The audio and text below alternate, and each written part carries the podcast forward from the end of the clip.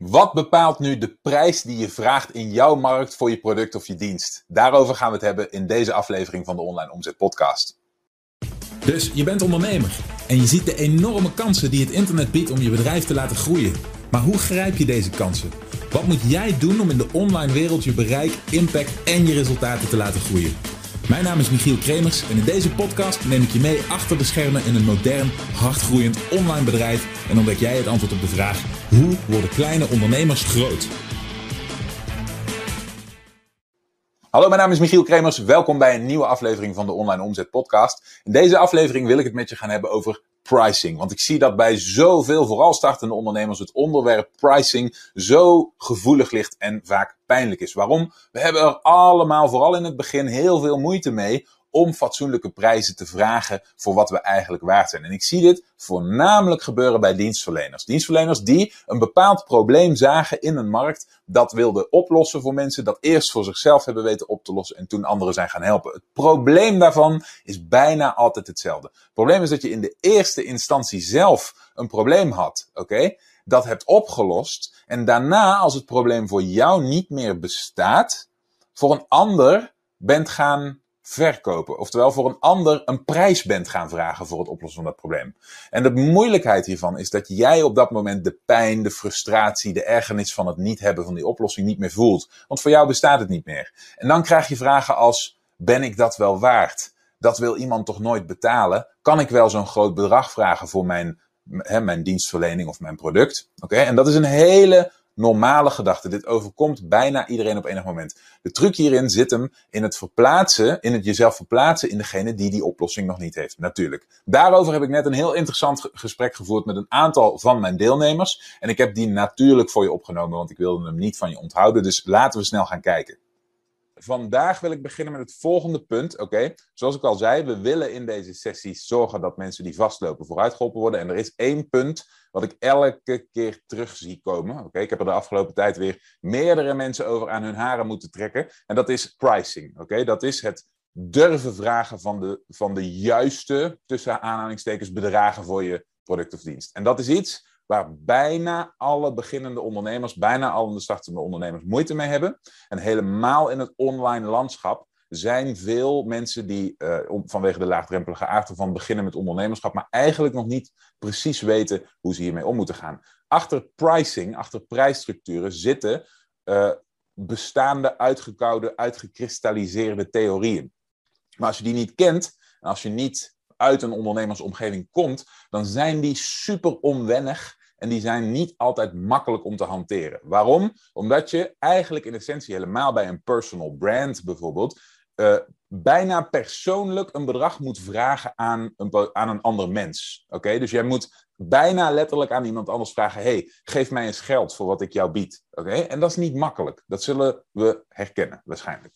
En dat is waarom het verhogen van prijzen, juist het gaan voor hogere, in mijn ogen vaak realistischere bedragen, is in de eerste instantie, als je dat nog niet eerder hebt gedaan, is een uitdaging. Nou zit daar een hele mooie kant aan. En dat is namelijk dat het werkt een beetje als, uh, als domino-stenen.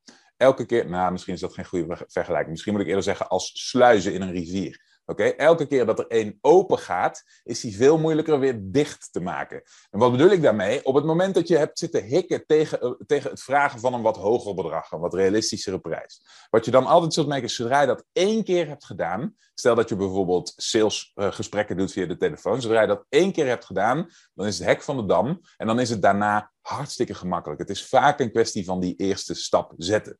Maar de grote vraag, en waar ik het nu met jullie over wil hebben, is dan, ja maar welk bedrag moet ik dan vragen? Wat is dan een realistische prijs voor wat ik wil uh, aanbieden aan mensen? En wanneer ga ik te ver of wanneer underprice ik mezelf? En daarvoor is een hele gemakkelijke richtlijn. Proberen dit ietsjes dichterbij te halen, zodat die enigszins leesbaar blijft. Wat je hier ziet is een voorbeeldje van iemand die zo bijvoorbeeld 700 euro vraagt voor een stukje coaching. En dan kunnen we, dat kan van alles zijn. Laten we in dit geval de 700 euro vragen voor iemand die mensen leert hun websites te designen. Oké? Nou, Wat je dan krijgt is die persoon die heeft die prijs van 700 euro ergens op gebaseerd. En dit is waar je altijd helemaal in de wereld van dienstverlening de meeste mensen ziet beginnen. Ze zitten altijd ergens tussen de tientjes en de honderden. Ze zitten meestal onder de 1000 euro. 1000 euro geeft ons bijna allemaal een soort, ja, een soort angst, een soort afkeer. Oh jee, 1000 euro, dat is veel geld voor de meeste van ons. Oké, Dus dat durven de meeste van ons niet zomaar te vragen. En daarom zie je dat de meeste mensen die beginnen, bijna altijd ergens onder die 1000 euro gaan hangen voor het verkopen van hun dienst. Dus 700 euro is een bedrag wat ik heel vaak langs zie komen. Ook al zie je in de markt dat bijvoorbeeld 997 euro heel gangbaar is. Dat hebben ze dan vaak al wel gezien gebeuren. Maar dan denken ze toch bij zichzelf: ja, maar dat durf ik nog niet. Dat is voor mij toch wel veel. Ik doe 700 euro, ik doe 500 euro, ik doe 400 euro. Die bedragen, die zie ik heel vaak langskomen. Oké?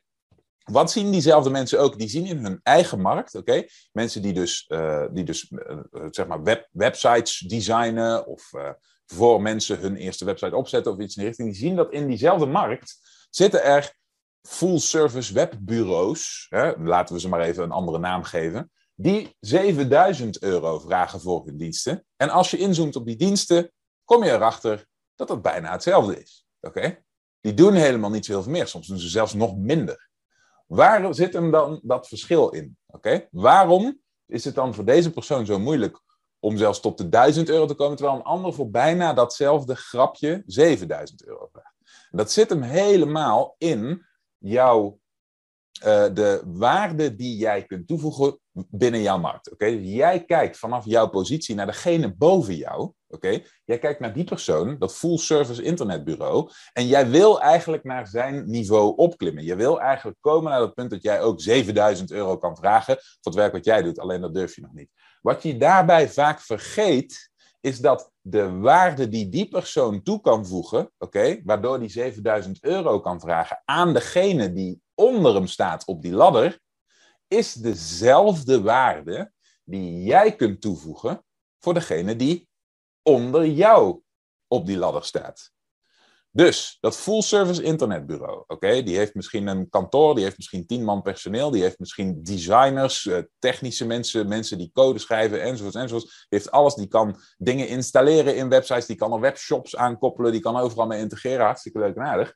Als jij een website wil kopen van dat niveau, oké, dan is dat de toegevoegde waarde. Maar als jij iemand bent die bijvoorbeeld nog geen website heeft, dan is het verschil wat het gaan van geen website hebben naar wel een website hebben, dat in waarde is dat heel veel. Dat is waarschijnlijk meer waarde nog dan gaan van al een website hebben naar een hele goede website hebben. Oké? Van 0 naar 1 is meer waard dan van 1 naar 2.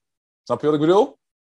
Dus jouw waarde voor degene die onder jou staat op die ladder is minstens net zo hoog als degene die boven jou op die ladder staat, kan bieden aan degene die één trap lager voor hem staat. Dus de hele gedachteoefening hiervan is niet om te kijken naar degene die boven jou staat, maar te kijken naar degene die onder jou staat. De, om te kijken naar degene die van jou waarde zou kunnen krijgen, de waarde die jij kunt bieden, en wat dat voor die persoon waard zou kunnen zijn. Dus, kleine gedachteoefening. Stel, iemand heeft hè, een. Uh, Iemand heeft een, uh, een, investeerder gevonden om een nieuw bedrijf te starten. Hij heeft een, uh, een ton binnen weten te halen. Hij wil, uh, ik zeg maar wat, radicaal vernieuwende thermometers op de markt brengen. Waar je alleen maar naar hoeft te kijken. En dan geeft hij je lichaamstemperatuur weer. Ik zeg maar wat, zoiets simpels. En nu moet er een website komen. Dus dit is een, een serieuze business case. Oké? die nog geen website heeft. Dit is een bedrijf wat online zijn ding wil gaan doen, wat online moet gaan verkopen. Ik, ik blijf een beetje in die sferen, want dat is mijn eigen comfortzone. Oké? Maar die wil daar iets in gaan doen. Dus wat moet hij? Hij moet ervoor zorgen dat hij op het internet goed vindbaar is. Dus dit bedrijf is absoluut nergens zolang ze geen website hebben. Dus ze zitten op nul. En jij kunt ze met jouw dienst, het bouwen van een website, het designen van een website, helpen naar één. Oké? De waarde voor een bedrijf wat een ton heeft binnengehaald. Wat een bedrijf, wat een, uh, een, um, een product heeft ontwikkeld, waar vraag naar is, waar ze heil in zien, wat ze willen gaan verkopen, wat allemaal afhangt van aanwezigheid op internetplatformen. De waarde van het gaan van geen website naar wel een website is heel erg hoog. Oké?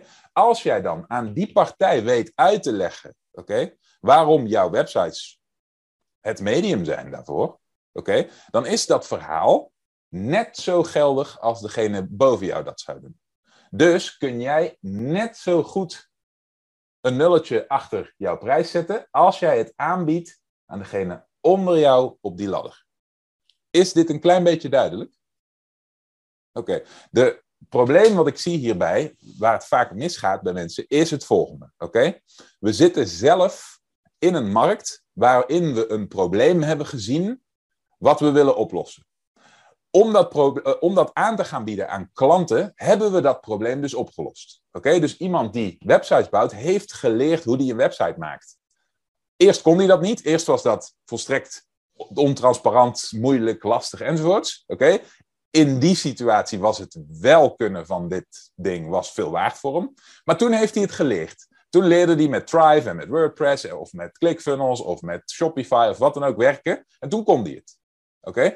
En toen ging hij er een bedrijf in starten en toen ging hij er geld voor vragen. Maar op het moment dat hij er geld voor ging vragen, was voor die persoon zelf dat probleem er niet meer. Want hij kon het zelf, hij weet hoe het allemaal werkt. En wat zie je dan gebeuren? Dan vinden mensen het heel moeilijk om zich weer te verplaatsen in die persoon die nog wel dat probleem heeft, die het nog niet kan. Ze denken namelijk altijd hetzelfde bij zich. Ze denken, ja, maar dat is toch niet zo moeilijk wat ik doe? Ja, dat is toch niet zoveel waard? Ja, daar kan ik toch nooit duizenden euro's voor gaan zitten vragen? Ja, daar, daar voel ik me niet goed bij. die opmerking, verschrikkelijk. Oké, daar voel ik me niet goed bij. Ja, dat past niet bij mij. Opzouten. Oké? Je bent ondernemer. heel simpel. Jij, hebt, jij kunt waarde creëren voor iemand die die waarde nodig heeft. Diegene die die waarde nodig heeft, is bereid te betalen voor die waarde. Dus aan jou de taak om ervoor te zorgen dat je een zo hoog mogelijk bedrag aan die waarde koppelt. Oké? Dit is de hele gedachteoefening. Jezelf verplaatsen, niet in degene boven jou en waarom die meer kan vragen, maar in degene onder jou en waarom de waarde die jij aan die persoon kunt bieden veel hoger is. Oké, zoals je ziet is een pricing-strategie in principe niet ingewikkeld. Je kijkt in de eerste instantie altijd naar degene onder jouw niveau, hè, onder jouw huidige situatie, degene die een probleem heeft wat jij hebt opgelost, maar zij nog niet. En je gaat vervolgens kijken wat betekent het in waarde voor die persoon om dat probleem opgelost te hebben. En dan kijk je dus niet meer naar wat durf ik te vragen, wat vind ik comfortabel, wat zou ik in mijn huidige situatie wel of niet betalen voor deze informatie, want dat is volstrekt irrelevant voor die persoon die elke dag met het probleem kampt wat jij zou kunnen oplossen. Dit is de juiste gedachtegang om te komen tot een prijs. Oké, wat is het waard voor die ander? Niet wat zou ik er zelf voor betalen. Als dit type uitdaging, dit type vraagstukken bij jou spelen, als je bij jezelf denkt, dit zijn punten waarop ik hulp kan gebruiken, ik worstel hiermee, ik merk dat mijn bedrijf stilstaat, of als je net bent begonnen, dan is deelname aan een van onze trajecten misschien iets voor jou. Kijk dan op onlineomzet.com slash interesse over hoe we elkaar zouden kunnen helpen. Ik zie je in de tussentijd in ieder geval heel graag terug in de volgende aflevering. Bedankt voor het luisteren. Heb je iets aan deze aflevering gehad of heb je een vraag? Laat het me weten via de comments. En vergeet niet te abonneren. Dan blijf je op de hoogte van alle tips en strategieën waarmee jij als moderne ondernemer groot kunt worden. Voor een overzicht van alle afleveringen ga je naar onlineomzet.com/podcast.